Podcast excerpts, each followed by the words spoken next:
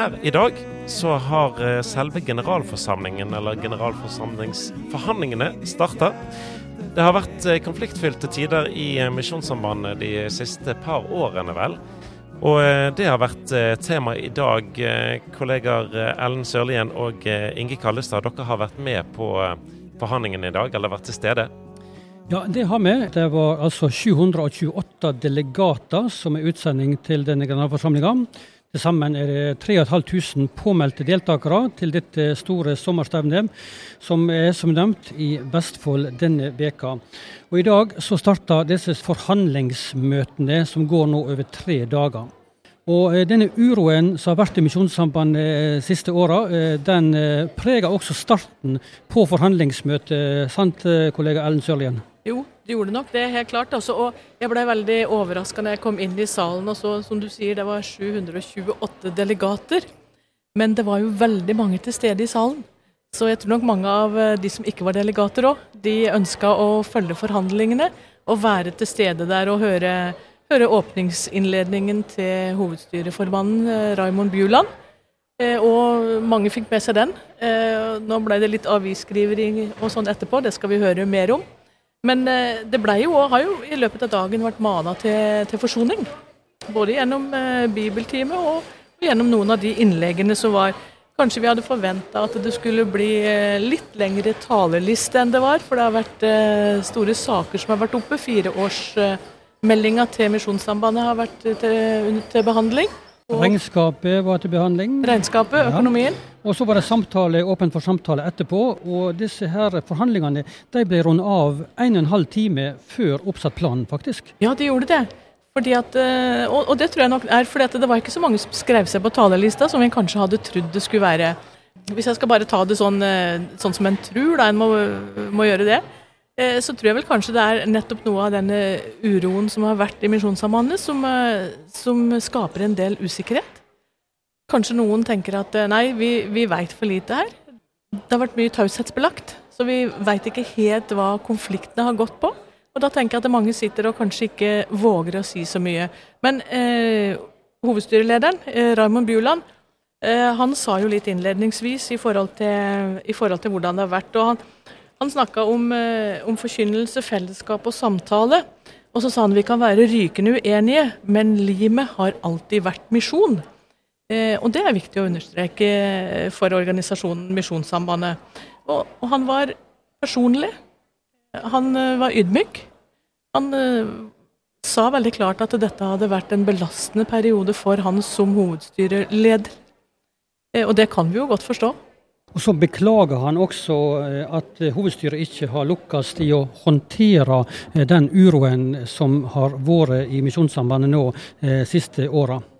Det gjorde han. Og så sa han også samtidig at vi må, vi må anerkjenne eh, hverandres opplevelser og behandle hverandre med respekt. Uavhengig av hvilke syn vi har på, på forskjellige saker. Og Han nevnte eh, i forbindelse med generalsekretær Øyvind Aaslands eh, avgang, eh, som kom veldig bardus på mange, Eh, at de nok hadde jobba med det i hovedstyret i lengre tid uten å, å sagt noe om det. Og han sa vi var, vi, var forberedt på kritikk, og kritikken kom. Men han sa men mye av kritikken den var nok også uberettiga. Raymond Bjuland sa også at eh, det er tatt initiativ til forsonende dialogsamtaler og at eh, de jobber for forbedring og håndterer vanskelige saker i organisasjonen. Og vi vet at vi har et krevende arbeid foran oss, eh, sa også Raymond Bjuland i sin redegjørelse til generalforsamlinga i dag etter uroen i Misjonssambandet de siste åra. Og så er det jo, og det å være hovedstyreleder, det er et frivillig verv. Et tungt frivillig verv. Eh, han sa at de siste månedene har tappet meg. Og han sa videre det er eh, lite egenvinning i et slik verv, men drivkraften det er folket, og det er misjonen. Og han var veldig klar på det, at eh, han var eh, klar for å, for å kjempe videre og, og, fortsette i vervet sitt. Vi skal høre mer fra generalforsamlingen. Vi skal få inn informasjonsleder i Norsk Luthers Misjonsmann Espen Ottosen. Du Espen, jeg lurer først på, Hvordan opplever du å være på generalforsamling nå? For det er jo litt spesielt etter all uroen som har vært i forkant? Ja, altså jeg har jo Dette er vel min syvende generalforsamling som eh, informasjonsleder. Eh, og jeg har gleda meg, tror jeg, eh, liksom 100% til alle tidligere generalforsamlinger. Syns det har vært veldig fantastisk flott og gleda meg til å samles. Jeg har ja, selvfølgelig jobba som informasjonsleder og jobba mye med da, presse og ivaretakelse av ting, skrive for utsyn og sånn. Men jeg har hatt med familien, og det har jeg for så vidt litt uh, i år òg, selv om nå er barna blitt store og det er barnebarn med.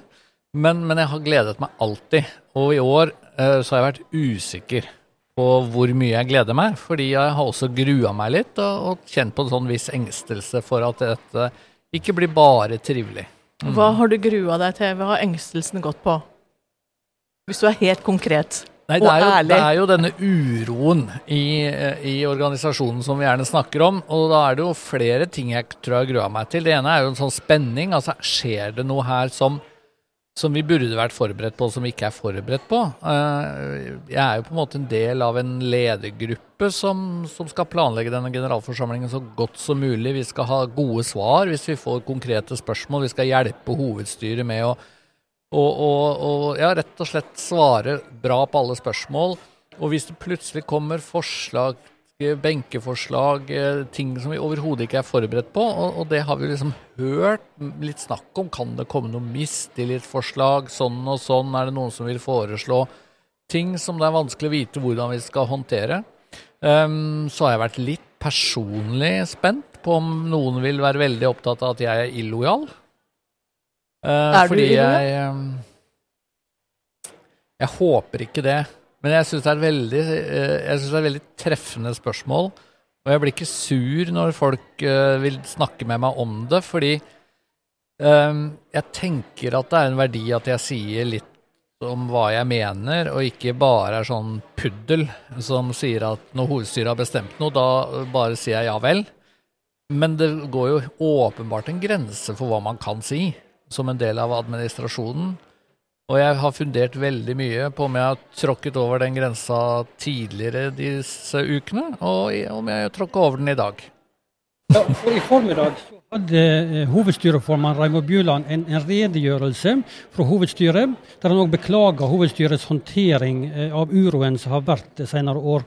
Og så ved lunsjtider i dag så står det i dagen at eh, Eh, Misjonssambandet er mer splitta på toppen nå enn noen gang, sier informasjonsleder Espen Ottosen til nettavisen dagen.no. Hva var grunnen til at du gikk ut med det midt i forhandlingene? Grunnen var jo at jeg ble veldig overrasket over det Bjuland sa. Hva var det du ble overraska over? Ganske mange ting, så jeg skal prøve å ta det kort og, og effektivt. Men aller først så ble jeg overraska over tidspunktet. Fordi han tok det jo ikke i forbindelse med fireårsmeldingen, som jeg hadde tenkt. Han tok det som på en måte innledning til hele forhandlingene. Og det er jo på et tidspunkt hvor det ikke går an å be om replikk eller be om kommentar. Så han hadde, jeg tror han holdt på nesten et kvarter, og på en måte presenterte flertallet av hovedstyrets syn på på måte den prosessen da, som førte til at generalsekretæren sluttet. Eh, jeg kjente litt på at, at eh, en del av det han sa, var også helt nytt for meg. Og jeg sitter jo på en måte i toppledelsen. Ja, hva, hva, var det nye du fikk vite i dag, da? Det nye var uh, detaljer knytta til hvordan denne kontrakten, sluttavtalen, ble uh, inngått. Han ja, Øyvind Aaslands sluttavtale i mai. Ja, først, så, nå, nå sa Bjuland at det, denne ble først lagt fram av hovedstyrets advokat, og så fikk Aaslands advokat revidere den. Og litt sånn underforstått, og da ble alle fornøyd. Det aner jeg ikke om Øyvind Aasland vil si seg enig i, men han er jo ikke her og har ikke mulighet til å kommentere det. Eh, og, og Bjuland eh, la også vekt på at dette har vært en veldig lang prosess. Det, det er jo jeg usikker på om helt stemmer. I hvert fall så tror jeg Eller jeg får snakke for meg selv, da. Jeg ante i hvert fall ikke i april uh, at kanskje Øyvind Aasland kommer til å slutte i mai. Jeg tenkte at det kunne jo hende de kom til en avtale, at Øyvind kanskje var her da, og sa at jeg kommer til å slutte 1.10 eller 1.11. eller noe sånt. Men liksom, jeg hadde bare ikke forestilt meg at han kunne bli bedt om å slutte omtrent på dagen. I Misjonssambandet har det jo vært vanlig at, at man nesten varsler at en generalsekretær går av et halvår til et år før, fordi det tar så lang tid å få plass, på plass ny. Så det er mulig fantasien min var dårlig. Men, men hovedgrunnen til at jeg reagerte, det var at denne informasjonen hadde ikke vi fått. Og jeg skjønte jo av det Håvard Måseide sa, nestformann i hovedstyret, at han også var ukjent med dette. Da tenkte jeg at det var, litt, det var uheldig at ikke det hovedstyrets formann sier i en sånn 'velkommen til generalforsamlingen'-tale, ikke er på en måte litt mer sånn samlende og, og kan ja, samle oss isteden så polariserer det litt. Da, men, er, men, er, det vanlig at dere på forhånd veit eh, alt hva hovedstyreformannen kommer til å si i en i innledning? Eh, antagelig ikke, fordi det pleier jo veldig sjelden å være noe kontroversielt. Eh, men, men eh, i dette tilfellet så tenker jeg at vi, vi hadde jo Altså vi, da Aasland um, sluttet, så møtte jo hovedstyret hele administrasjonen og hele hovedkontoret, og da svarte han stort sett at uh, dette kunne han ikke si noe om, for det var en taushetsbelagt avtale. Uh, og da ble det veldig overraskende at nå kom det mye mer informasjon. Da.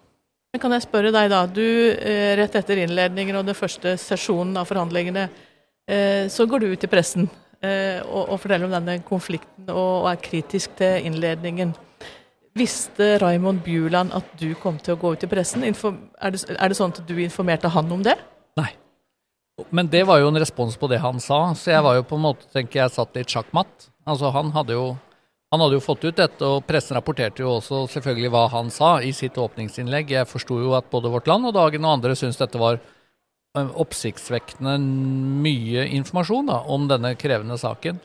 Um, men jeg tror jeg tør å si at jeg hadde jo aldri gått ut om dette hvis, hvis det hadde vært en, på en, måte en tett og god dialog da, mellom hovedstyret og administrasjonen om disse krevende sakene. Men, men det som det, det, var det ikke jeg som sa først, det har jeg bare lyst til å si. Altså, Bjuland sa jo det i sin innledning, at det har vært krevende samarbeidsforhold innad i hovedstyret, og det har vært krevende samarbeidsforhold mellom hovedstyret og administrasjon.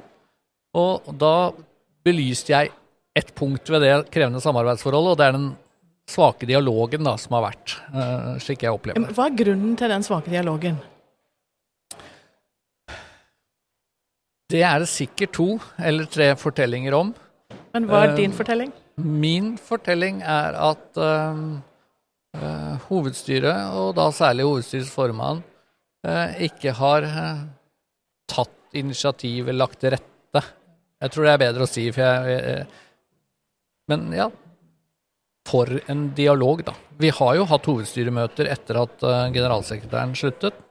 Men det har vært på en måte litt sånn tørre hovedstyremøter hvor vi ikke har snakket om på en måte den krevende situasjonen vi står oppe i, men, men litt sånn uh, enkeltstående saker, da. Men nå eh, sier Raymond Bjuland i dag at han beklager at hovedstyret ikke har håndtert denne uroen godt nok.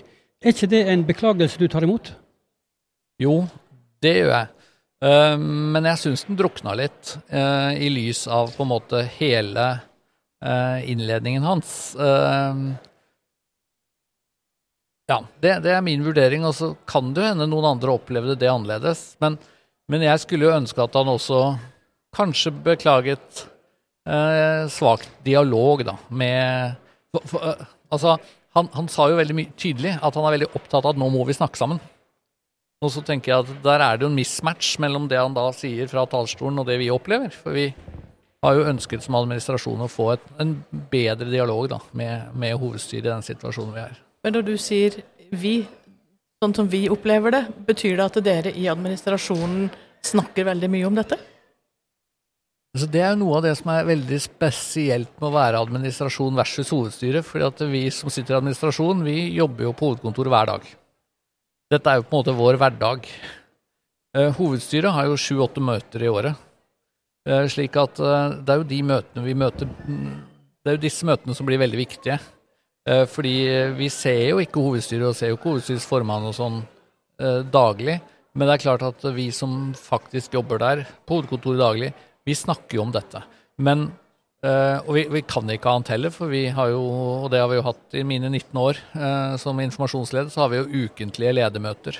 Så, så, vi jobber jo på en måte med dette. Men vi prøver virkelig å ikke la det få altfor mye fokus. Og når jeg sier vi, så skal jeg selvfølgelig passe meg for å si at det jeg sier nå, det sier jeg på vegne av andre enn meg selv. Det er jo eh, Jeg, snakker Jeg gir mine vurderinger. Og så vil det sikkert være litt andre nyanser fra de andre som sitter i sentrale stillinger. Men det kan se litt rart ut at informasjonslederen i Misjonssambandet, som ligger under hovedstyret i Misjonssambandet, går ut midt i forhandlingene rett etter en redegjørelse for formannen. Så går du ut i media og kritiserer så skarpt som du gjør i dag. Er ikke det en rolleblanding her som blir litt feil? Har ikke du blanda rollene litt her?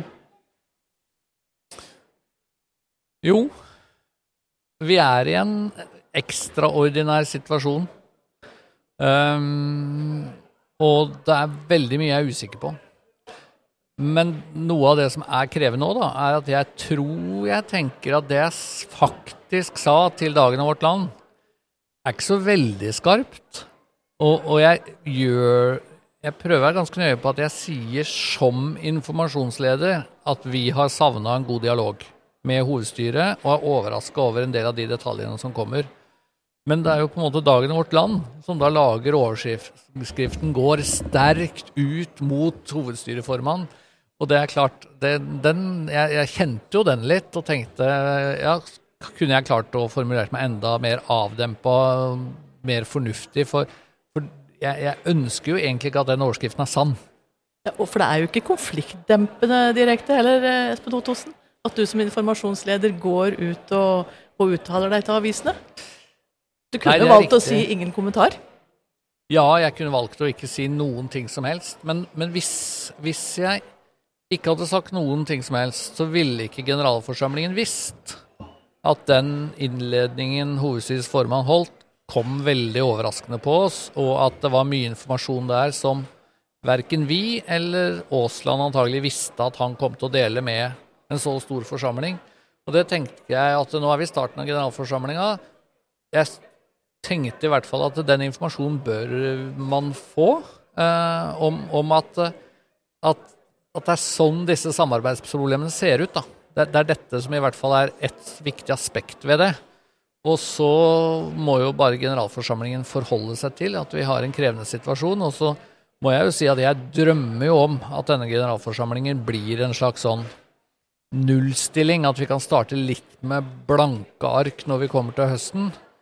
Uh, og jeg kanskje hadde jeg en forventning om at, at hovedstyrets formann ved sin innlegging nå skulle, skulle, bidra mer til at nå, nå prøver å legge på en måte legge vekk en del av stridighetene, prøver å samle oss om det vi er enige om. Isteden så opplevde jeg at, at, han hadde et veldig sterkt forsvar da, for flertallet i hovedstyret. Men du er vel litt enig med, med hovedstyreformannen, for noe av det du sier, også se framover og nullstille? Eh, Raymond Buland sa vel noe av det samme i sitt innledningsforedrag. Håper at dette blir et GF med et vendepunkt, og at vi sammen må se framover. Der Helt er dere enige? Veldig enige. Og jeg tror jeg til og med tør å love på direkte radio at um, jeg skal nesten ikke si noen ting jeg, om interne forhold i Misjonssambandet etter generalforsamling over. Da må vi ha interne samtaler og finne en vei videre. Og prøve å, å, å bygge litt bro. Ja. Eh, men hvordan vil du jobbe videre med tanke på å skape forsoning fra din vinkel? For det første så ønsker jeg å, å be om tilgivelse og beklage ting. Hvis, øh, hvis, hvis jeg, jeg, innser i samtaler og dialog at det er nødvendig. Og, og, det blir sikkert mange samtaler og dialoger i etterkant av generalforsamlinga. Vi vil jo få et nytt hovedstyre. øh, fra og med lørdag eller søndag, eller når de da konstituerer seg. Uh, og jeg tenker jo at uh, jeg har jo bare to valg. Enten så må jeg samarbeide godt med hovedstyret, eller så må jeg finne på noe annet å gjøre. Så, sånn er det jo. Men jeg tenk, har nok også tenkt at under generalforsamlinga, i den veldig krevende situasjonen vi er, så er det kanskje her det også må være lov å, å, å lufte litt den uenigheten, og så får vi etterpå finne en vei videre. Ehm, etter at du hadde gått ut i Vårt Land og Dagen i dag med kritikk til, til hovedstyreformannens innledning, så går du på talerstolen på, på samtalen under, under, debatten på generalforsamlinga. Eh, og jeg har snakka med mange etterpå. De venta at eh, informasjonslederen da skulle fortsette videre og snakke om det han hadde om i, sagt noe om i ja. dagspressen. Ja. Men i stedet så begynner du å snakke om Misjonssambandets visuelle profil. Eh, hvorfor gjorde du det, og i stedet for å ta opp det samme som du hadde gått ut med tidligere i pressen? For dette, dette er jo tross alt Misjonssambandet sitt øverste organ, eh, som gjerne sikkert ville hørt informasjonslederen si noe. Mm. Det var to grunner til det. Det ene grunnen var jo at uh, dirigentene ga jo beskjed om at når man diskuterer fireårsmeldingen, så skal man diskutere fireårsmeldingen. Og det som handler om varslingssaker og den uroen, det uh, eh, handla om kontrollkomiteens rapport. Så jeg tenkte at uh, skulle jeg si noe om det jeg sa i pressen, så måtte jeg si det på neste sak. Uh, og så valgte jeg der å ikke si noe, fordi en del av det jeg hadde på hjertet, var egentlig belyst fra andre. Eh, også, men grunnen til at jeg valgte å snakke om den visuelle profilen, er fordi at eh, den tror jeg kan bety noe i hele organisasjonen. Og jeg hadde lyst til å bruke anledningen når det faktisk var tid til det, eh, og si veldig tydelig at den visuelle profilen vi har lagd, den vil vi hjelpe til med at spres eh, rundt i hele landet. Så jeg tenkte rett og slett at det var litt av jobben min å, å si. Eh, prøver å ha flere tanker i hodet på en gang enn bare å være gretten. Hjertelig takk for at du ble med oss nå på direkten og på, på denne podkasten, herr Espen Ottosen. Og Raimond Buland, formann i hovedstyret, han ønsker ikke å være med i sendinga nå i kveld her på Petro.